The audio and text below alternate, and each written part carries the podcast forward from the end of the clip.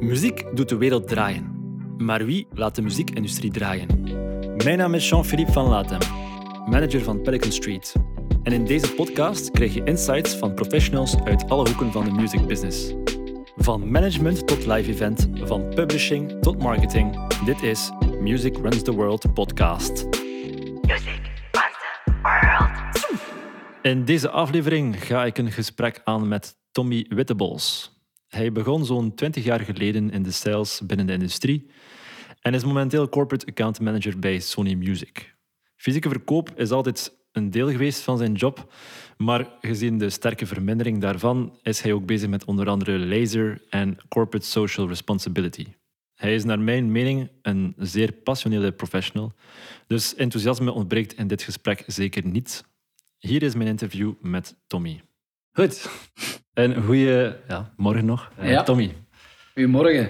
Dankjewel, altijd, om eh, tijd vrij te maken om eh, te komen praten met mij over de muziekindustrie Ja. en wat dat je doet. Met alle plezier. We gaan er direct invliegen. Ehm, allereerst, ik weet uit ons gesprekken ervoor dat je de muziekliefhebber bent. Ehm, maar in de muziekindustrie sta je aan de businesskant als eh, corporate account manager bij Sony Music Belgium Yes. of eh, Benelux. Ja. Ehm, kan je ons een keer door een typische of misschien een atypische week van een eh, corporate account manager lopen? Van wat houdt dat allemaal in? Wat, wat doe jij zo? Ja, ja dat, va- dat varieert enorm van, van week tot week, van maand tot maand. Hoofdzakelijk gaat het natuurlijk over, het, over het fysiek gerelateerde. eh, zijn de cd's in mindere mate, LP ondertussen meer relevant terug. Over, over pre-orders. want eh, ik, ik doe dit inmiddels al meer dan twintig jaar, eh, gerelateerd aan het fysieke. Wat maakt dat je die evolutie natuurlijk meegemaakt hebt in die twintig jaar en dat er enorm veel veranderd is ondertussen. Maar dat is nog altijd wel een groot deel van mijn dagdagelijkse bezigheid. Ja. Eh, Concreet houdt dat in dat je alle info verzamelt eh, van alle releases die eh, doorkomen, de campagnes die er rond gevoerd worden en dat, zal ik maar zeggen, filteren naar de klanten toe. Ehm, dat doen we met een bedrijf ondertussen die instaat voor de distributie, Bertus genaamd. Ehm, maar ik ga je de details daarover besparen. Ehm, maar het is, dus, het is, de insteek is natuurlijk wel helemaal veranderd. Het is ook eh, meer een puur louter informatieve functie geworden. Maar langs de andere kant, hè, de, dan de pre-orders, waarin dat een bepaalde release aangekondigd wordt. En door het digitale tijdperk, dat het ook zo is dat mensen natuurlijk van dag één dat de aankondiging is, de release kunnen reserveren. En de dag op release ehm, ligt die dan in uw bus. Letterlijk, hè, wat fysiek dan betreft. Ja, dat was vroeger allemaal niet natuurlijk. Maar dat is zeker een, een van de belangrijkste taken. Nu, in die twintig jaar tijd hè, is, is het natuurlijk zo dat fysiek minder en minder relevant geworden is. Ehm, dat dat ook wel eh, de focus ergens anders ligt ondertussen. En dat lijkt me ook wel logisch. Hè. Als je het businessmodel bekijkt, ja, dan eh, is streaming natuurlijk een veel interessanter businessmodel, omdat je, je werkt niet met retouren, je werkt niet met productiekosten. Allee, productiekosten in de zin van, er moet, moet een, een fysiek product aangemaakt worden. Ja, dat scheelt hem wel een pak natuurlijk. Ehm, dus ik, ik begrijp ten zeerste dat je focus verlegd is en dat fysiek minder relevant is. Ja. Ehm, maar langs de andere kant bestaat er nog altijd een doelgroep waar dat wel het geval is. Hè.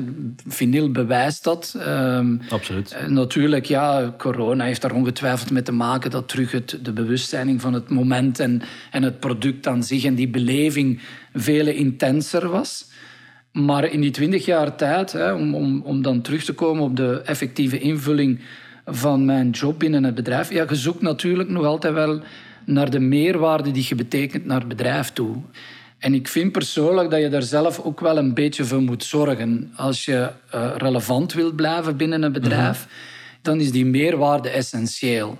Als, het, als de functie aan zich, hè, zijn de fysiek en alles wat fysiek te maken heeft, op in de luxevlak ook, dat heeft nog wel een taak, maar je beseft natuurlijk naar de toekomst toe, ja oké, ik, ik ga niet mijn dag van s morgens tot s avonds daar nog mee kunnen vullen. Dat, dat kan, maar dan denk ik dat er op een gegeven moment ook een, eh, eh, eh, allee, dat er een moment komt dat het bedrijf gaat zeggen, ja sorry, maar hè, ehm, dan valt dat de boot. Punt aan de lijn. Ja. Ehm, nu, ik heb dan getracht de afgelopen jaren eh, te kijken wat mij betreft persoonlijk waar die meerwaarde dan ligt. En ik ben altijd een enorme muziekliefhebber geweest.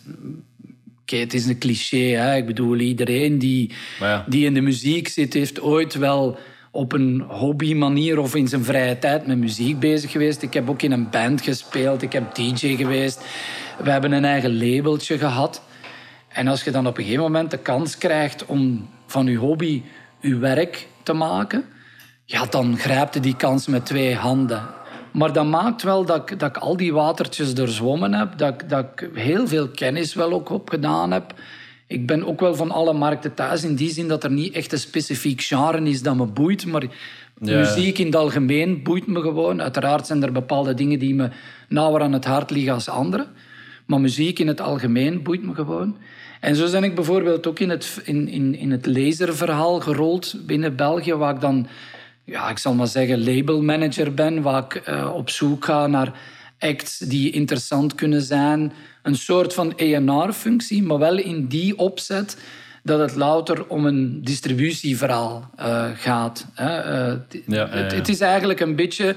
eh, We kunnen daar zo meteen nog wel in, in detail op verder gaan. Maar Laser is eigenlijk een beetje een independent met de voordelen van een major binnen het major-verhaal. Want Sony Music is natuurlijk een, een major het verhaal. Company. is, het is een, het is een, een sublabel onder Ja, ja weet je, het, het- we noemen het lezen omdat het kind moet een naam hebben. ehm, maar, maar eigenlijk is het Sony Music. Maar het is een bepaalde tak binnen Sony Music waar dat we artiesten, zal ik maar zeggen, die, die creatief zijn en die weten waar ze mee bezig zijn, maar toch eigenlijk een backup zoeken om het technische verhaal en het, het administratieve verhaal, zal ik maar zeggen, voor zijn rekening te nemen. Ja, ja, ja. Dat we daar ergens een evenwicht in zoeken. Een, een subbrand dan. Ja, ja, ja. Meer, meer om, om mensen te, het gevoel te geven van we hangen aan, aan laser en niet per se aan, aan Sony. Of, Ja, het is, het is eigenlijk meer, ik zou maar zeggen, ook een kweekvijver waarin dat we eh, labels en artiesten waar we wel in geloven, maar waar we stap voor stap die evolutie willen samen maken. Dat die in een volgende fase bijvoorbeeld kunnen opgepikt worden, Sony Music, van het moment dat ze boven effectief of permanent boven het maaiveld uitkomen. Ja, dat is natuurlijk wel de betrachting van elke artiest. Eh, eh, je zit ongetwijfeld in een andere aflevering al met cijfers om de oren geklopt, maar 60 tot 80.000 tracks per dag worden geüpload. Ja, begint er dan maar eens aan. En, Zeker. ehm, er zijn, dus ik, ik, allee, ik vind enorm boeiend de creativiteit die momenteel bij artiesten is. Ja, dat zijn ook ondernemers geworden. Die gasten weten ook wel hoe ze dat hun publiek moeten bereiken. Er zijn er die dat niet weten. Ik bedoel, die, die echt wel heel intensief met die muziek bezig Ja, ja. zijn.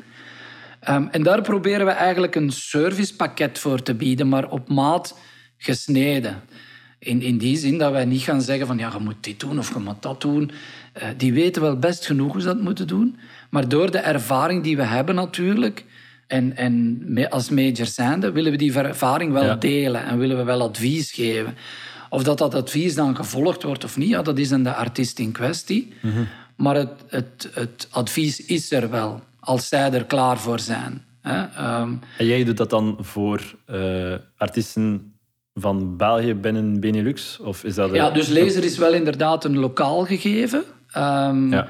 Waarin dat is oorspronkelijk eh, eh, gestart in Nederland, omdat hip-hop natuurlijk wel enorm booming was in Nederland. Momenteel hebben we die trend ook wel in België, want ik vind persoonlijk alleszins dat er evenveel talent rondloopt in België als in Nederland. Maar het draagvlak is natuurlijk minder groot. Of Ja. alleszins is in die fase dat het net iets minder is als in Nederland. Dus daar was in, eh, Laser in Nederland gestart. En eh, sinds een jaar en een half, twee jaar doen we dat nu ook in België. En proberen we in België ook wel die, die, die expertise op te bouwen en daar een draagvlak Ja, voor ja. te creëren. Maar het is natuurlijk iets minder evident. Ik bedoel, eh, in Nederland was het echt hip-hop gerelateerd, terwijl dat het nu ook wel andere genres belichaamt. Maar had daar ergens een referentie in het hip-hop wereldje, wat voldoende groot was. Ja, dat is in België net iets moeilijker. Ik zeg het, ik, ben, ik vind. eh, En jullie, oh, jullie trekken het dan open naar allee, alles buiten Ja, urban wel- acts ook. Het, het is zo dat, we, dat het oorspronkelijk eh, hip-hop gerelateerd wel was. En Ehm, ik heb in die, aan die anderhalf jaar tijd heel veel gesprekken gevoerd en ben ik echt tot de conclusie gekomen dat het, het talent hier is er. De labels zijn er. Er zijn een aantal supercoole labels waar die gasten dat supergoed doen. Die echt een live act op poten staan hebben wat, ge- wat gewoon verder geblazen door wordt. Ik vind altijd dat, dat, dat hip-hop ook wel iets heeft van de punk van vroeger. Die do-it-yourself mentaliteit en die, die, Ja. dat, dat sociaal kritiek gegeven dat, dat in die teksten naar voren komt en dergelijke. Dat, dat is iets wat me enorm wel inspireert. Maar ehm, qua genre eh, gaat het breder in, in België. En inmiddels ook in Nederland. Dus het, het, is een, het moet een, een draagvlak zijn voor iedereen die er eigenlijk behoefte aan heeft. Ja. Of dat dat dan hip-hop is, of dat is, of dat is eh, eh, slager of whatever. Het moet kunnen. Wat het natuurlijk iets moeilijker maakt om een bepaalde identiteit op te bouwen. Maar die identiteit zit dan eerder in het inhoudelijke. Hè? In, Oh ja, in het servicepakket dat je aanbiedt. En, en, Het is niet zo genre-based, het is meer over de, Ja, het soort, is- de soort artiesten dat je wilt omkaderen. Ja, en het is ook het, het, het, wat een artiest verwacht. Ik bedoel, wat, wat een, wat een, Ja. dat is ook altijd de eerste vraag die ik ook stel. Ja, wat verwacht je eigenlijk van een partner dan zijnde als lezer? Ehm, als zij verwachten van, ja, oké, ja, ik wil dat, dat er promo gedaan wordt en dergelijke. Ja, dan zal lezer al misschien minder voor de hand liggend zijn. Maar als het is om een partner te vinden die, waar we samen kunnen doorgroeien tot wie weet ooit een artiestendeal bij Sony Music, maar we doen dat stap voor stap en we doen dat samen op een constructieve manier, zonder eh, eh, te zeggen van het moet, Ja. ja, dan zijn wij wel een uitgelezen partner daarvoor. Beginnen we dan bij distributie dan? Ja, ja. Want daar begint het inderdaad uiteraard. Hè, dat beschikbaar zet op de DSP's. Eh, wij doen ook nog altijd fysiek gerelateerd. Als daar behoefte aan is, dan kan dat. Hè, want daar hebben we natuurlijk ook nog altijd de expertise. Maar het gaat vooral ook natuurlijk om het netwerk dat je uitgebouwd hebt en dergelijke. Hè. Als een artiest behoefte heeft aan een TikTok-sessie, zal ik maar zeggen. Want ik, ik, ik kan me sowieso inbeelden dat bepaalde artiesten totaal geen feeling hebben met TikTok. En dat is ook een heel nieuwe generatie. Maar je kunt natuurlijk niet ontkennen dat het, dat het niet relevant is. Ik bedoel... ehm, maar ook daar is de relevantie natuurlijk essentieel. Maar dan hebben wij iemand die, die, die een sessie geeft over TikTok en die uit de doeken doet van ja, zo werkt het. Zo kun je je doelpubliek bereiken. Wat wil je ermee bereiken? En dan geven wij daar suggesties. Dat zijn suggesties. Wij gaan niet zeggen van je moet het zo doen. Maar we hebben natuurlijk cases uit ervaring waar dat je bepaalde conclusies uit kunt trekken. Ja, ja. Hè, Dat is een goede manier. Die manier werkt, die manier werkt minder. En, en dat is natuurlijk wel ook enorm belangrijk dat je dat kunt meegeven aan de artiesten. Zijn ze dan bereid van er iets mee te doen? Ja, oké, dat laten we dan aan de artiest. Is dat, Maar, maar altijd- de expertise is er als ze er behoefte aan hebben. Ehm, En dat is, dat is wel... Je merkt dat dat ook wel de meerwaarde is die je creëert. Ehm, en dat is ook een beetje mijn taak om dat te coördineren, zal ik maar zeggen. Ik, ik ben van een generatie... Ja, ik, ik heb TikTok ook moeten, moeten studeren bijna. Want die nieuwe generatie omarmt dat onmiddellijk. En dat is eigenlijk ja, een tweede natuur. Ja, van mijn generatie moeten daar wel echt inkomen. Maar ik vind dat wel enorm boeiend om tenslotte draait om muziek. En de relevantie daarvan. En dat merkte bij elk sociaal media ook en bij TikTok ook. Ja, dat je dan niet kunt forceren. Het moet altijd wel op een natuurlijke manier Absoluut. moet het groeien. Een, een, een, een niet geforceerde manier. En dat is natuurlijk wel... En soms gaat het ook, ook over... Ja, je moet blijven proberen zodat er iets uitvliegt. En Ja, ja, trial and error. Weet je, videootje uploaden Ja. en volgens de regels Ja. van dat heeft gewerkt, gaat nooit werken. Je moet... Ja. En wat voor de ene artiest werkt, werkt voor de andere misschien Ja, minder. Maar voilà. oké, dan neem je die ervaring mee en dan trekt je daar wel bepaalde conclusies uit. Maar het leuke vind ik wel dat, dat TikTok, dat ze intern ook wel zeggen van ja, TikTok werkt ook maar als het als de consument, of zal maar zeggen de luisteraar, Mhm. een consument is zo'n raar woord voor wat muziek betreft, maar de luisteraar of de fan het relevant vindt. Daar zul jij ongetwijfeld ook research over hebben, maar dat, bij podcasts is dat ook zo. Als jij een businessmodel wilt opbouwen eh, rond podcasts, dan kun je er reclame in steken. Maar wat dan het beste werkt, is dat die reclame relevant is en gelinkt is aan waarover dat de podcast gaat, zal ik maar zeggen. Ja, absoluut. Ik, ik ben een liefhebber van de grote plaat, een podcast over het, over het fietsen op, in, in Nederland van Blauwtsoen, een artiest die ook fietsliefhebber is. Ja, daar gaan ze geen reclame maken voor een, een bank of whatever, zal ik maar zeggen. Maar dan maken ze reclame voor een fietsmerk of waar ze ook persoonlijk achter Ja. staan. En dan is dat relevant. Dus die relevantie, dat vind ik wel ehm, enorm belangrijk. Ook omdat je in een, ja, vaak in een, meer een niche gaat werken. Hè? Dus dat je weet van mensen komen voor een bepaalde topic Ja. naar jou luisteren. Dus dan Ja. moet je ze ook niet van alles gaan aanspelen. Want meestal gaan ze ook niet geïnteresseerd zijn in, zoals hij zegt, niet relevante Ja, dat, of samenhangende topics. Dat is, dat is natuurlijk het, het enorme draagvlak en interessante van, excuseer, van streaming. Dat is dat je echt weet waar je doelgroep zit en wat je weet waar, waar hetgeen zit, ja, wat je het verschil kunt maken. Terwijl vroeger deden wij een campagne op tv. En oké, je wist wel, VTM is een bepaald publiek en VRT heeft een bepaald publiek. Maar voor de rest ja, was dat maar op goed geluk. En zoveel mogelijk visibiliteit creëren. En maar hopen dat het iemand gezien had en dat het blijft hangen. Ja, dat is natuurlijk wel nu veel doelgerichter op basis van data die gegenereerd wordt en zo. En dat vind ik alleen maar een positieve eh, evolutie. Maar dan, om daar het, het, het, het lezerverhaal te schetsen en dan het laatste deel, en dat wil ik zeker ook wel eh, vermelden, waar ik ook wel heel intensief mee bezig ben de laatste tijd, ehm, is, is eh, de sociale relevantie van het bedrijf. Hè. We noemen dat zo mooi corporate social responsibility. Dat is ook maar een term om aan te duiden van ja, dat elk bedrijf natuurlijk wel op zijn manier probeert sociaal relevant te zijn. En dat kan gaan over van alles. Hè. Ik bedoel, het kan, eh, kan best gaan dat dat in de voeding gaat over op verantwoorde manier omgaan met verpakking en zo verder en milieu.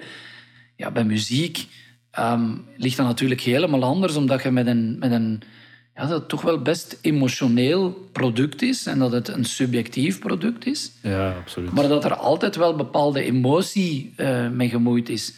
Al gaat het om feesten of troost te bieden of whatever.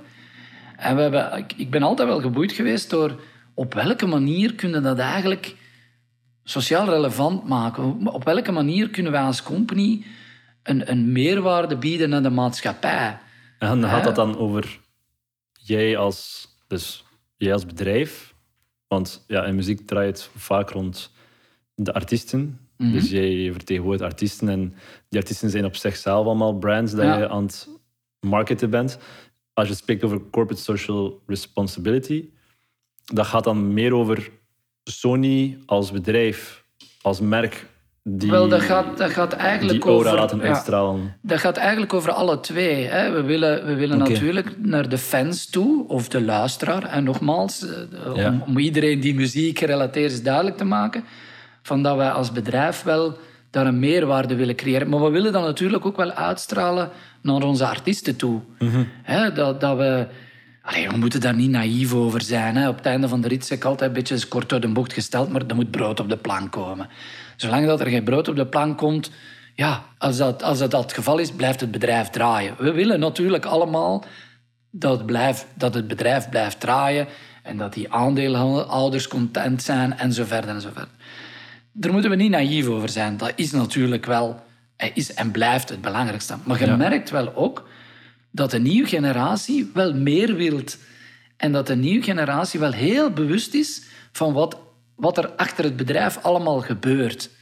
Daar gaan ze natuurlijk allemaal ook niet het fijne van weten. En dat Nee, gaat het maar- bedrijf ook nooit niet zomaar allemaal Ja. op tafel gooien. Maar er moet wel een bepaalde transparantie in zijn. En dan denk ik dat het ook wel belangrijk is om, om aan te duiden van... We hebben het wel goed voor. We, we, we, we willen ook wel muziek uitbrengen om de juiste redenen. Ehm, Ja, ja. En die, die sociale relevantie wordt er wel belangrijker en belangrijk in. En ik kan dat hier nu wel beweren. en dat is allemaal mooi om dat te zeggen. Maar je moet dat natuurlijk ook wel in de praktijk kunnen uitvoeren. En zo hebben we wel een aantal concrete projecten eh, ontwikkeld de laatste jaren. Ja, Waarin dat we echt wel naar de basis gaan Mhm. en daar een meerwaarde willen creëren naar de maatschappij toe. Concreet hebben we bijvoorbeeld en sinds sorry, kort... dat gaat dan, dat is meerwaarde creëren met artiesten onder jullie... Bijvoorbeeld, maar ook concreet, en dan, dat zal misschien dan eh, eh, eh, een concreet voorbeeld maakt het ook wel een pak duidelijker. Ja. We hebben de Zwerfketen. De Zwerfketen is een project waar we met Graffiti, VZ2 hier uit het Gentse, die wel nationaal werken, en hebben we eigenlijk een samenwerking opgezet. Hebben we die mensen ook wel een vertrouwen moeten, moeten winnen eigenlijk, om, om, omdat we het ook wel om de juiste reden willen doen. Ja. Maar we hebben bijvoorbeeld, hè, zwerfkeet is letterlijk een keet die geplukt is van een werf, een bouwwerf, en die we op, omgebouwd hebben tot mobiele studio. En de bedoeling is... Opnames- opnamestudio. Ja, opnamestudio. Ja. En de bedoeling is met die keet effectief naar wijken te gaan waar de jeugd die faciliteiten niet heeft, maar er wel op een bepaalde manier behoefte aan heeft. Ja. Gemakkelijkheid zelf, allee, gemakkelijkheid zelf. In eerste instantie gaat dat vooral om hip-hop gerelateerd, omdat dat natuurlijk het net iets makkelijker maakt. Het is iets meer on the go. Ja, het, is ook, het ligt natuurlijk wel goed in de markt bij de jeugd. Ehm, maar het is natuurlijk ook iets makkelijker qua opnamen en dergelijke. Het is iets meer voor de hand liggend. Hè? Ja, ja, ja. En ook, en nogmaals, hè, ik vind dat wel belangrijk, het sociaal ongenoegen of die frustraties bij de jeugd, wat dat dan ook mag zijn, die wordt op die manier wel ook wel makkelijker geventileerd. Nu, het gaat niet alleen om frustraties. Hè. Ik bedoel, nee, er zijn er die ook wel eh eh, rappen over de positieve dingen. Maar ik vind, ik vind dat, dat, dat, dat aspect vind ik ook wel belangrijk. En daarmee gaan wij dan naar wijken. Die, die keet wordt dan letterlijk gedropt. We zoeken een paar lokale helden die, die, die opgeleid worden door graffiti om met die jeugd om te gaan. Want je mocht dat natuurlijk niet onderschatten. Dat is ook een bepaalde expertise Nee, nee, nee. die wij totaal niet hebben.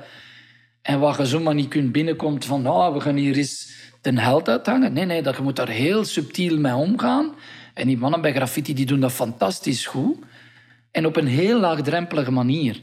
Zodoende dat iemand die, die, die bij, wijze van, bij wijze van mogelijkheden bijna start, dat die de mogelijkheid krijgt om te beginnen. Natuurlijk moeten we wel hè, moeten, moeten zien, je moet dat wel ook een beetje organiseren. Hè. Je, moet er, je moet zorgen dat, dat die mannen ook wel de kans hebben, dat er een bepaalde expertise is ehm, die, waar ze dan van kunnen profiteren.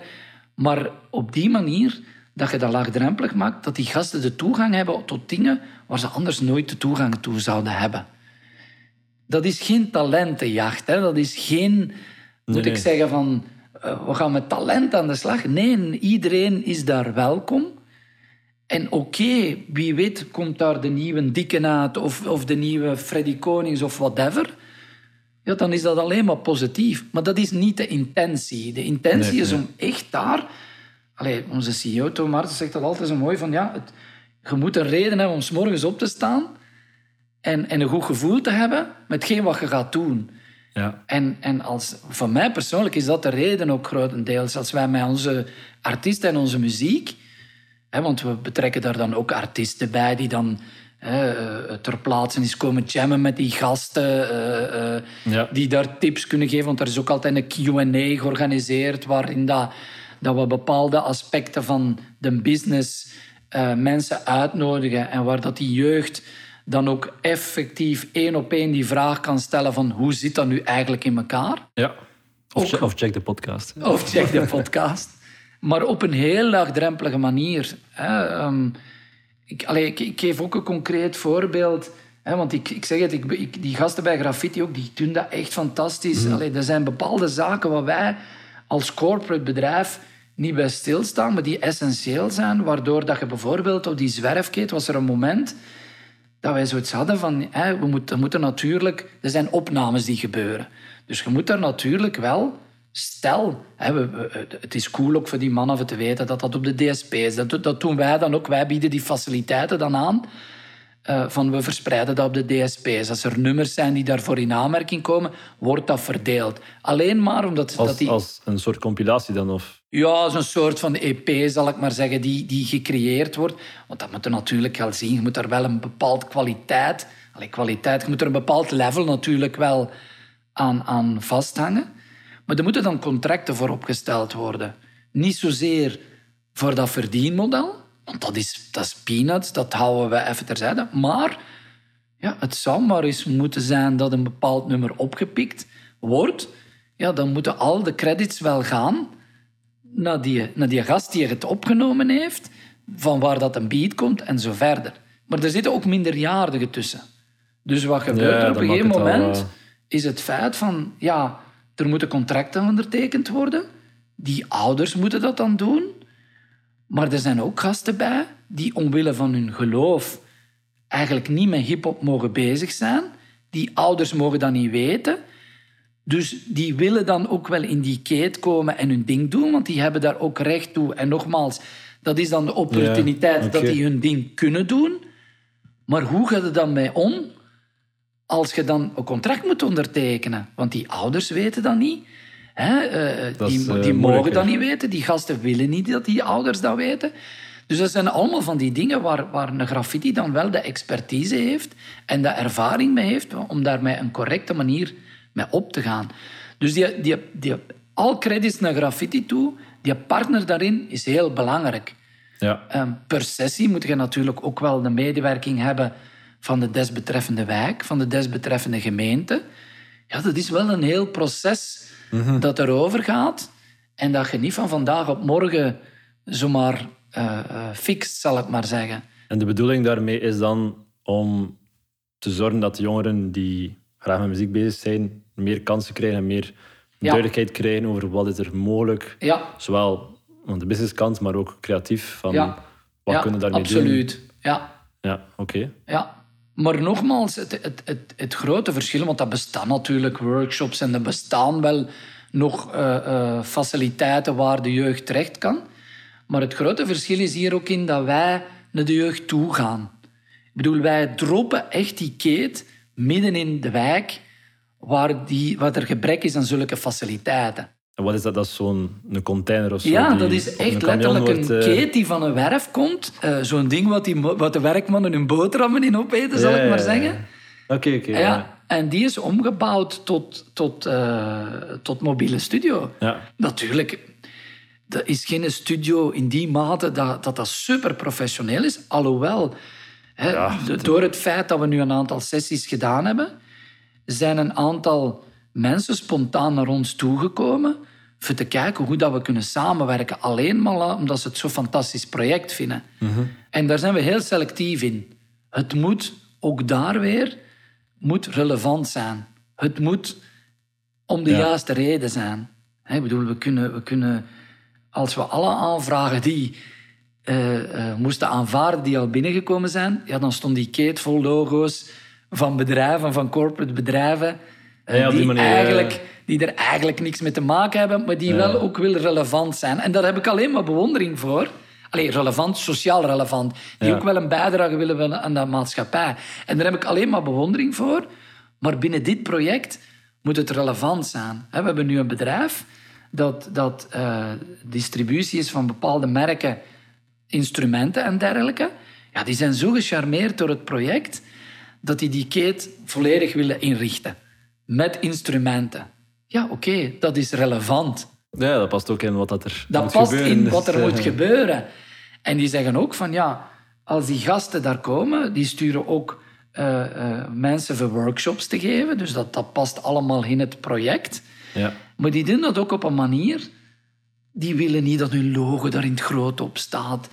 Die willen niet hun profileren, maar die doen dat ook op een juiste reden. En ook, allee, pas op, als er dan gasten zijn en die zeggen van ja, we vinden dat wel cool, we willen dat instrument aanschaffen, ja, dan zullen die wel zeggen van ja, oké, ga eens naar daar en dan krijg je er korting op hè, en dan zien we wel Ja, dat we iets kunnen regelen. Tuurlijk, tuurlijk. Ehm, maar dat is niet Het is de gedachte erachter die Voilà. eh, primeert. En, Voilà. Ja. Maar als je nu... Dus omdat er is nog steeds fysiek product. ehm, die initiatieven met social corporate responsibility, dat, dat helpt natuurlijk om Sony ook meer op de kaart te zetten. Ehm, Mhm. Maar naar fysiek product toe, heb- hoe, hoe ga je daar nu mee om, om dat creatief aan de man te brengen? Want ik kan me inbeelden dat dat niet meer zo simpel is. Nee, dat is, dat is niet meer zo simpel in die zin dat natuurlijk de verkoopspunten ook enorm gedaald zijn. Hè. Dat begint het natuurlijk mee waar ga je dat Ja. product aanbieden. Wat ik enorm natuurlijk wel leuk vind vanuit mijn persoonlijk standpunt. Ik ben ook altijd wel een, ja, moet dat zeggen, een indie man geweest. Ik, ik hou ook wel heel veel van die do-it-yourself mentaliteit. Ik bedoel, Ja, concreet, ik ging, wij vroeger, ik ben nog van de generatie, hè, wekelijks stonden wij in de cd-winkel om, Ja. om te checken wat eruit is. En tegenwoordig heb je influencers. Ja, oké, onze influencer was degene die achter een, de counter stond in de cd-winkel. En die, die, dat was ons algoritme in die zin dat je zei Ja, van, ah, jij vindt dat goed? Ja, dan moet je dat eens checken. Eh, ja, internet bestond niet, hè. Ik bedoel, eh, zo oud ben ik wel. Ehm, en eigenlijk is dat hetzelfde principe. Eigenlijk is dat, dat, dat, dat, ga- dat hè, nu ook die influencers. De, de jeugd kijkt op naar bepaalde mensen. En wat die mensen zeggen, gaan ze als relevant en belangrijk vinden. Voor mij was die gast dat achter de counter bij de cd-winkel. Ja. Die wist perfect mijn, mijn voorkeur, mijn genre. En die zei, van, nou, dan moet je dat eens proberen. Maar die zei even goed van... Ja, ik weet dat uw genre niet is, maar je moet het toch eens proberen. Terwijl dat die algoritmes daar natuurlijk nu geen rekening mee houden. Dus je blijft ook wel altijd een in diezelfde vijver. Maar om terug te gaan naar die winkelvloer... Ja, dat, dat wordt moeilijker en moeilijker. Hè. Daar moet je niet een nozel over doen. Hè. Ik bedoel...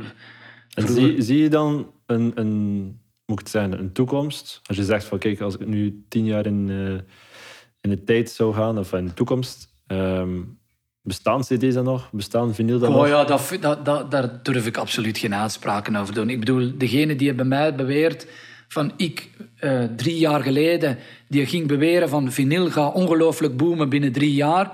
Ja, bullshit. Ik bedoel, dat had niemand kunnen of durven voorspellen. Er zullen Ja. er ongetwijfeld geweest zijn. Hè? En die, die dat uit opportunisme zeiden, omdat dat ze vinyl nog draaiden en dat ze vinyl cool vinden. En ik vind dat ook nog altijd cool. Hè? Maar als je het vanuit business standpunt bekeek, drie, vier jaar geleden, ja, dan had dit niet, dat, dit had nooit kunnen voorspeld worden. En dat vind ik net het heel leuke aan een business, maar dan maakt het net ook heel moeilijk. Ja, ja. Gaat CD binnen vijf jaar nog bestaan? Ik weet het niet. Ik weet het echt niet. Ik denk wel... Of misschien krijgt het een, een andere invulling. hè? Ja, het gaat, ik eh, denk dat er altijd nog wel een markt voor zal zijn. Maar dat die markt natuurlijk niche wordt. De verzamelmarkt dan eerder. Of, eh, Ja, en, en je merkt dan nu bijvoorbeeld, hè, doordat vinyl terug zo relevant is, zijn die indie shops ook terug relevant geworden. Wat ik alleen maar cool vind, omdat daar ook wel echte muziekliefhebbers Ja. over de vloer komen. Terwijl dat, dat bij Mediamarkt misschien eerder degene is die drie of vier, vijf keer per jaar een cd koopt, waar niks mis mee is. Hè. Ik bedoel, dat is een bepaalde groep of een Nee, bepaalde doelgroep die je de, aanspreekt. de tante die weet dat ze neef vinyl verzamelt en even eh, Ja, in de voilà. mediamarkt iets gaat halen. Ja, eh, bijvoorbeeld. En daar is niks mis mee. Hè. Ik bedoel, het een is niet beter dan het ander, maar het is gewoon een andere doelgroep die je tracht te bereiken. ja. Ehm, hè, dat is net zoals standaard boekhandel een hele brede doelgroep aanspreekt en zich gespecialiseerd heeft, of alleszins dat is organisch zo gegroeid, tot het, het, het Vlaamse, Nederlandstalige eh, muziek die, ze, die, ze, die ja. dat goed aanslaat. Maar dat is gewoon een kwestie van de mensen die daar over de vloer komen. Standaard boekhandel verkoopt ook geen vinyl. Ik, ik denk dat dat een goede keuze is. Ik denk dat dat, dat, dat dat misschien niet het publiek is dat daar komt. Alhoewel dat we in het begin anders dachten. Hè. We dachten dat het boekenpubliek is het intellectuele publiek. En zo kortzichtig zijn we dan soms. En die, koop, die zijn ook intensief met muziek bezig. Ja, dat is, dat is, dus, Ja, dus- dat is dus niet het geval. Hè. En, en op dat vlak, ja... Ik, elke, elke klant, elke keten heeft zijn bepaalde meerwaarde. Maar daar begint het natuurlijk. Hè. Gaan die binnen vijf jaar nog bestaan? Eh, ik, ik weet het niet. Ik, ik, kan daar, ik ga echt mijn hand daar niet voor in het vuur steken. Weet je? Dat is net zoals met vinyl. Maar dat maakt het ook zo boeiend. Weet je, dat maakt het ook echt zo uitdagend. En, en het is niet omdat wij een major zijn en dat wij Sony zijn dat wij de waarheid in pacht nemen. We zijn altijd zo mooi op de salesmeeting. Ja, we hebben niet die glazen bol. Iedereen wil die glazen bol, maar niemand heeft hem. Nee. Gaat een bepaalde act aanslaan? Ik weet het niet. Een van de voorbeelden dat me altijd bijgebleven is King, Kings of Leon. Begin, ja, Kings of Leon, hè, de Strokes kwamen wel op en Kings of Leon surfde een beetje mee op die vibe, zal ik maar zeggen. En, eh, eh, maar daar kwam een nieuwe plaat vanuit en dan moesten wij, moesten wij op de sales meeting moesten wij inschatten van ja, wat gaat dat verkopen? Ja, dat is en blijft een beetje natte vingerwerk. Maar je kijkt altijd terug naar een beetje naar de historiek van de vorige platen en je hoopt altijd dat deze plaat dan weer wat beter gaat verkopen. Afhankelijk van de campagnes Ja, en de singles en dergelijke. Maar gaan een single aanslaan? Ik weet het niet. Dat weet niemand niet. Geprobeerd dat. Ook daar blijft een beetje speculeren. Maar Only by the Night kwam, kwam dan uit. Wij schatten dat in. Ja. Ja, wat gaan we daarvan verkopen? Ja, man, ja, het blijft toch nog een beetje hè, alternatief tussen aanhalingstekens. Ik weet ook, dat is weer een verkoopsterm. Maar het blijft toch een beetje Ja, ja, ja. een eigenzinnig genre. En misschien minder voor het publiek. Maar dan op een gegeven moment komt Sex on Fire uit. Dat slaat enorm aan. Dat gaat gigantisch breed. Ja, en we zaten boven de 100.000 albums. Terwijl dat we dat misschien oorspronkelijk ingeschat hadden als duizend stuks. Om maar aan te geven, Ja, ja. Je, zit daar met al die expertise. Je probeert dat zo goed mogelijk te doen. Maar het blijft een moeilijke materie. Dan is ook een kwestie van voor jullie om snel te kunnen schakelen. Eén keer dat er daar iets mee gebeurt, dat je weet van oké, we kunnen het optrekken. Ja, ja. Natuurlijk is het zo dat je ook wel weet welke campagne rond er gevoerd. Hoe hoog staat een bepaald product op de prioriteit product. Muziek Ja, op, hè, op, de, op de prioriteitenlijst. Dan weten we wel van oké, ze gaan er intensief rond werken. Ze zijn intensief met een radio. We gaan, we, we gaan naar de winkel en we hebben een verhaal te vertellen. Dat wordt campagne rond. Vroeger was dat dan tv-campagne, was essentieel. Ja, ja. Radiocampagne was ooit relevant. Eh, ja, dat is allemaal wel veranderd. Weet je, tegenwoordig is het soms ook relevanter van eh, in de juiste film of serie te zitten dan dat je op radio gedraaid wordt. En dat Exact, is iets ja. waar radio en tv ook mee worstelt. Hè, die Mhm. Radio, tv moet ook die reclameblokken ingevuld krijgen. Ja, dat, dat is een heel ander businessmodel geworden. Ja, Ehm, absoluut. om, omdat er nu ondertussen ook wel andere manieren zijn. En nogmaals, ik ga daar zeker geen uitspraken over doen. Is het ene ander eh, beter als het andere? Nee, maar je kunt het niet meer negeren. Je Mhm. kunt niet meer negeren. Dat is hetzelfde verhaal met Web3. Hè. Dat is ook wel iets dat me persoonlijk ik enorm... vragen. Dus als Ja. je de, de evolutie bekijkt naar het digitale product dan, we hebben nog downloads, eh, maar alles wordt meer ja, snackable in de zin van abonnementen via Spotify. Ja. Nu zitten we met Web3. eh, is dat iets dat jullie ook sterk op inzetten als Ja, het- product dan? Om Ja, het, om het uiteraard uiteraard zijn we daarmee bezig. Hè. Ik bedoel, het mooiste voorbeeld is, is, eh, is Travis Scott geweest, die dan in, in Fortnite, dacht ik, Fortnite, het, het, Ja. eh, een, een live concert geeft, tussen aanhalingstekens. Ja, waar je dan in het begin zoiets hebt van, fuck al, ik bedoel, wat is dat? Ik bedoel, dat is totaal mijn ding niet. Maar eh, het, is, het is wel relevant. Nogmaals, ik, ik vind dat... Je kunt, je kunt daarover discussiëren. Is dat positief of negatief? Dat de jeugd online zit en online gaat afspreken met hun avatars, met coole Nike-sneakers die ze online gekocht hebben, hè, NFT's gerelateerd, eh, en daarmee gaan showen op een concert van Travis Scott in Fortnite. Je kunt daarover discussiëren van, is dat een goede zaak of een slechte zaak? Ik heb daar soms ook mijn twijfels over, want ik denk... Hè, ik, ik vind het nog altijd leuker van op café te gaan en een pint te gaan pakken of, of, of naar een concertzaal te gaan en daar de sfeer op te snuiven. Ik denk dat daar toch nog altijd de meerwaarde zit van het live gegeven. Maar de jeugd ervaart dat op een andere manier ook wel. Ja, En, en is dat goed of nee, is, is dat niet goed? Ja, dat is niet aan mij om daarover te oordelen. Maar het feit is wel dat je het niet kunt negeren. Dat het wel een ding is Nee, dat, dat, dat uitmaakt van de maatschappij momenteel. Dat er gewoon sowieso een onderdeel uitmaakt. En die technologie is er. En die technologie, persoonlijk ben ik er wel van overtuigd dat die technologie een blijver is. Momenteel, de hè, blockchain-technologie wordt, wordt een beetje oneerbiedig geassocieerd met cryptomunten. En cryptomunten is voor veel mensen gewoon een belegging en wordt een beetje in de donkere, illegale sferen hè, geassocieerd. Maar de technologie is er wel en die technologie is fantastisch. Die kun je niet Ja. negeren. Die, ik ben ervan overtuigd dat dat een blijver is. In welk opzet dan? Ja, dat zal de toekomst uitwijzen. Maar dat is Maar- wel de evolutie. zetten jullie daar al op in in de zin van eh, dan afleiding creëren van de muziek van het product zelf om daar ook een, een businessmodel achter te steken? Ja, we gaan, we gaan natuurlijk in eerste instantie kijken in welke mate dat, dat relevant kan zijn voor onze business. Maar ja, ik bedoel, ik denk daar, dat dat, de dat hele lijkt- denkoefening is van Ja. hoe past dat in het huidige business- businessmodel of hoe moet het huidige businessmodel aangepast worden Maar, maar het is natuurlijk zo... om dat te faciliteren. Ja, het is natuurlijk zo dat dat onze expertise niet is. In die Ja. zin dat, dat, je, dat je daar beroep moet doen op bepaalde partijen om te kijken hoe kunnen we samenwerken en hoe kunnen we dat implementeren binnen Sony Music zijnde. Ik weet natuurlijk niet op, op internationaal vlak in New York zijn daar ongetwijfeld hoge piffen allemaal mee bezig en dergelijke, maar ik, ik spreek het vanuit mijn ervaring en hoe dat, dat op lokaal vlak gebeurt. Ja, je kunt dat niet negeren. Je kunt ook niet naar bepaalde artiesten zeggen, oh, daar zijn we niet mee bezig. Zijn, hè.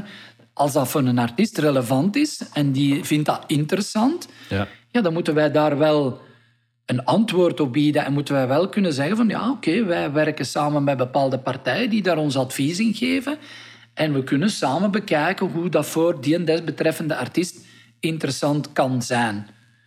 Het, het is niet zo dat wij nu geforceerd absoluut op die kar springen. Nee, je, je, je bekijkt wel stap voor stap hoe kunnen we dat, hoe is dat relevant voor onze business en hoe kunnen we dat inter- implementeren binnen het bedrijf. Ja, ja. Maar, maar het is wel zo dat we daar niet blind voor zijn. Ik bedoel, we gaan, we gaan niet zeggen... Ik denk dat die fout wel eh, in het verleden een aantal keer gebeurd is. Hè, dat, dat, allee, ik bedoel, het feit dat Apple als techbedrijf en Spotify, want trouw het of keer het, zijn techbedrijven, eh, met wel een, een sympathie voor muziek, maar het blijven wel techbedrijven. En die techbedrijven zijn wel bepalend geweest voor onze business. Ja, dat vind ik wel straf. Dat vind ik wel straf dat, dat, dat, hè, dat, eh, iTunes kwam, de iPhone, de iPod. Die, die, die, die apparaten hebben wel bepaald hoe dat, dat geëvolueerd is. Sony had vroeger de Walkman. Kijk, Juist, ja, ja. ik bedoel, als, als ja, de naam ontglipt mij even, maar in Stranger Things, hè, een personage een Walkman opzet en zei Kate Bishop, Kate Bishop. Ja, dat heeft een enorme impact eh, momenteel. Maar de Walkman die dateert natuurlijk wel van gigantisch lang geleden. En voor mijn generatie was dat relevant. Ja, dat is allemaal verschoven. En daar heeft Sony zich wel... En dat is dan Sony Electronics uiteraard. Wij zijn wel één company, maar het zijn wel Ja, ja. aparte bedrijven. Daar hebben ze wel een beetje de kaas van een boterham laten glippen, vind ik persoonlijk. Ehm, en is Apple, en nu ook met streaming, ons voor geweest. Maar langs de andere kant hebben we daar dan ook bekeken van hoe kunnen we dat ontarmen? Hoe kunnen we kijken dat we daar ons voordeel kunnen uithalen? Terwijl dat er ongetwijfeld in de geschiedenis zijn heel leuke boeken over, dat er wel momenten geweest zijn dat de, dat de companies zo arrogant waren dat ze zoiets hadden van, "Ah, weet je, wij gaan wel cd's blijven verkopen en wij gaan wel vinyltjes blijven verkopen en laat ze maar doen met hun streaming en hun downloaden en dergelijke. Dat gaat toch niet blijven duren. Ja, dat vind ik een gevaarlijke evolutie. Dat vind ik heel gevaarlijk. Ehm, Ja, hetzelfde verhaal met de blockbusters en de Netflix. Ja, en dat is wel veranderd. Is, die mentaliteit is wel helemaal omgeslagen. En nogmaals, ik denk dat dat wel een positieve evolutie is. Ik bedoel, ik, ik, allee, om bijvoorbeeld te refereren ehm, in het live circuit. Ik, ik, heb, ik heb destijds marketing gestudeerd. Dat kun je natuurlijk niet meer vergelijken met de marketing nu, die, die opzet. Maar ik heb wel mijn diploma, Nee. ik zal het zo stellen.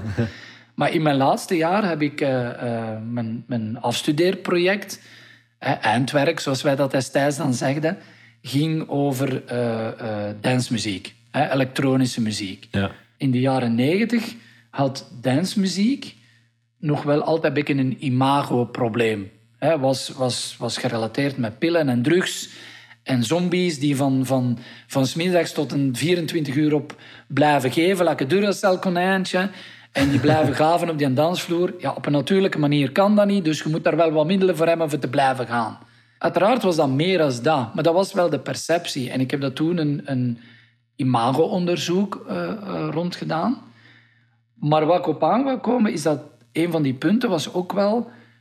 Toen was een rockfestival een rockfestival. En een dancefestival was een dancefestival. Depeche Mode bijvoorbeeld, dat is ook een Sony-act ondertussen, ehm, was eigenlijk as far as you can get... Allee, dat je durfde te gaan om op een rockfestival te zetten. Dat was al kantje boordje. Kun je inbeelden? Al, Ik bedoel, Ja. Depeche Mode is absoluut geen dance act, het is ook geen, eh, geen rock act, maar situeert zich tussen. in Ik vind een between. fantastische band trouwens. Maar dat was het verste dat ze konden gaan. Daar werd toen al commentaar op geleverd van... Dat kan toch niet, Depeche Mode op, op Rock Werchter. Ik bedoel, dat kan niet. Ja, als je nu kijkt, zoveel jaren later... Er is geen enkel rockfestival dat, dat, dat, dat geen dance act of geen enkel festival, zal ik maar zeggen. Natuurlijk wel festivals die nog altijd op een bepaald genre eh, toespitsen. En daar is Ja. niks mis mee. Maar naar Rock Werchter, die begonnen toen ook voorzichtig wel eh, eh, de Chemical Brothers te, te programmeren. Underworld, Orbital. Dat waren zo van die eerste crossover acts, wat eigenlijk wel dancemuziek was, maar die ook wel een, een rockpubliek eh, ja. aanspraken. En ik persoonlijk vind dat een super positieve evolutie, dat er meer in die hokjes gedacht wordt. Maar dat heeft allemaal ook zijn tijd nodig gehad. Dat, heeft een, Ja, ja. dat was een mentaliteitswijziging. Vroeger was alternatief alternatief. En commercieel was commercieel. Ja, wat, wat is commercieel? Wat is alternatief? Ik bedoel, wij, op een gegeven moment eh, eh, werd Zomba opgekocht. En Zomba die deed Tool.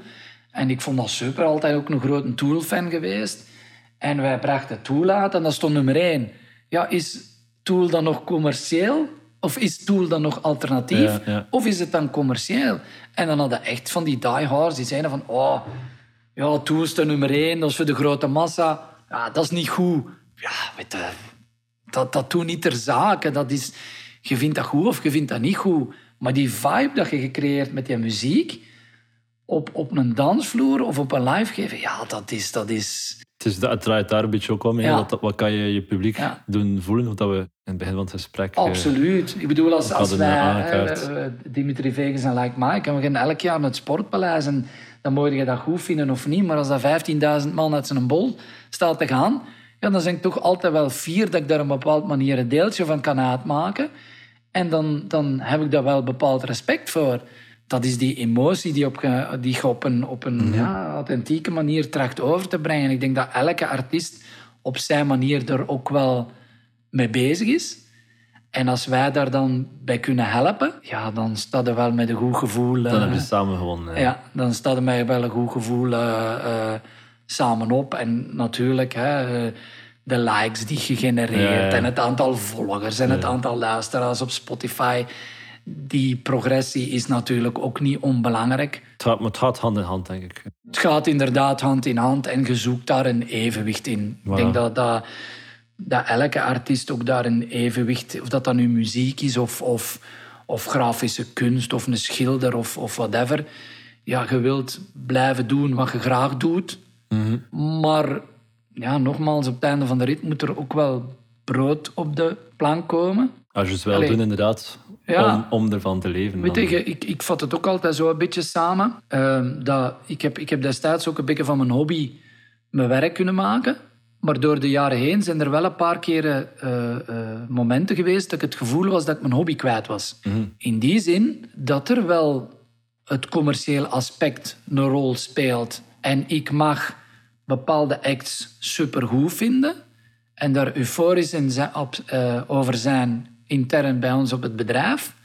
Maar op het einde van de rit wordt er wel bekeken van ja, maar wat potentieel zit erin. Ja, ja. Met laser bieden we daar wel een alternatief voor. In die zin dat we denken van ja, van dat buikgevoel speelt een rol. We zien er potentieel in, maar het, het krijgt de tijd om Maar hebt, je, kunt organisch laag, te groeien. je kunt laagdrempeler beginnen. Ja. Je hoeft niet direct alles, alles in te zetten. Ja, ik- de, de investering is natuurlijk wel... Je moet ook niet eh, naïef over zijn. Als dat een artiestendeal is, dan wordt daarin geïnvesteerd. En dan, Ja.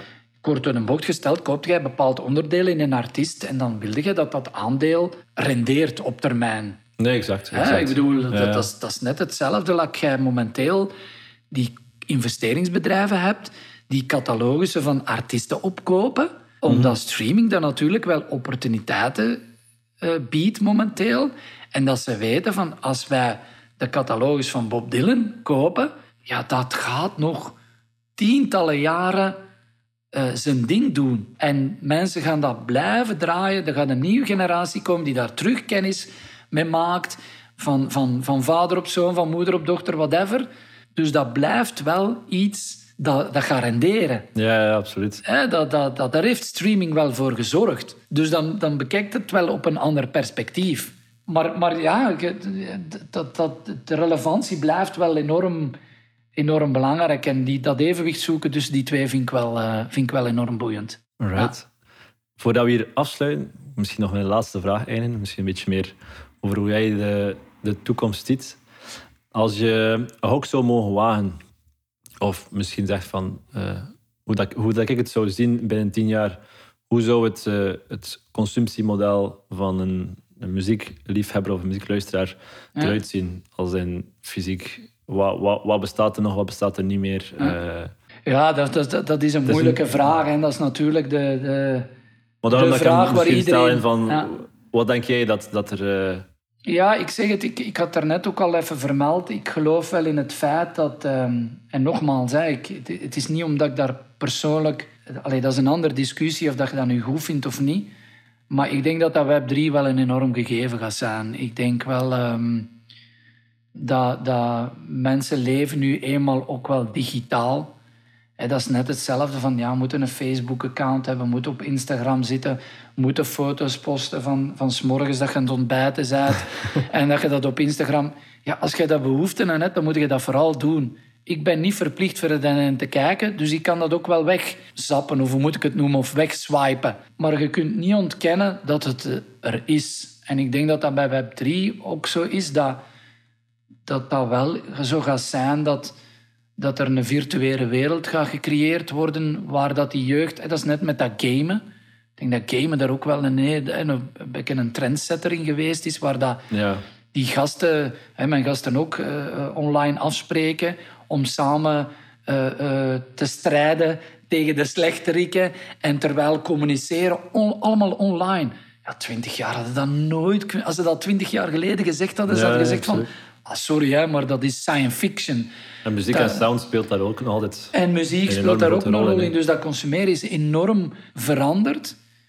En, en ik zeg het, ik denk dat, dat, dat, dat die mannen wel dat dat normaal gaat zijn. Dat je een avatar gaat hebben online, waarin dat je dan naar de views kunt gaan online, zal ik maar zeggen. En, en ik, nogmaals, ik vind, het, ik vind het nog altijd leuker. Ik ben van een generatie die naar de views ging en die daar dat beweert. Ik heb nog de Cherry Moon en de, en de, de opkomst van de New Beat. Ja, ja. Ik, ik, ik wil dat nog altijd wel voelen. Maar ik denk wel dat er een wereld gecreëerd gaat worden dat dat niet zal evenaren, maar het zal niet veel schillen. En dat ze dan kleren virtueel gaan kopen, dat dan een business wordt waarin dat, dat een, een, een fuse grond gaat kopen in, in Decentraland of whatever. En daar een, een, een discotheek gaat openen waar, de, waar de, de kids dan virtueel gaan samenkomen. Ik, ik geloof er wel in. Ik denk wel dat dat op termijn... Het zal misschien niet volgend jaar zijn, of misschien niet vier jaar, maar binnen 15 jaar... En dat ongetwijfeld dan, net zoals je nu ziet, dat muziek gaat beluisterd worden en dat ze kennis maken met muziek, ja, dat dat weer helemaal, helemaal anders gaat zijn. Maar goede muziek blijft goede muziek. En voor de ene is dat Frans Bauer en voor de ander is dat Moderat of whatever. Ja, dat is persoonlijk. Maar het, het, is, het gaat altijd... Je gaat altijd bepaalde dingen meemaken waar je denkt... Ah ja, dat nummer doet me denken aan die ervaring. En dan is het aan ons om dat te optimaliseren, zal ik, eh, zal ik maar zeggen. Exact. Dus, en, dat, en dat maakt het niet gemakkelijk. Hè? Want ik bedoel, het blijft, blijft een, een enorm boeiende business. Maar het is, het is niet evident. En mensen denken vaak rock en roll. En dat is ook wel zo, op sommige momenten. Maar eh er, wordt wel, er, er wordt wel gewerkt, hè, mannen. Dat is, er is wel een marketingteam en een salesteam en whatever die, die, die Ja, werkt en die, die, die daar dagdagelijks mee bezig is. Hè. Dagdagelijks, zelfs 24 uur op 24. Hè, want een artiest die stopt nooit. Hè.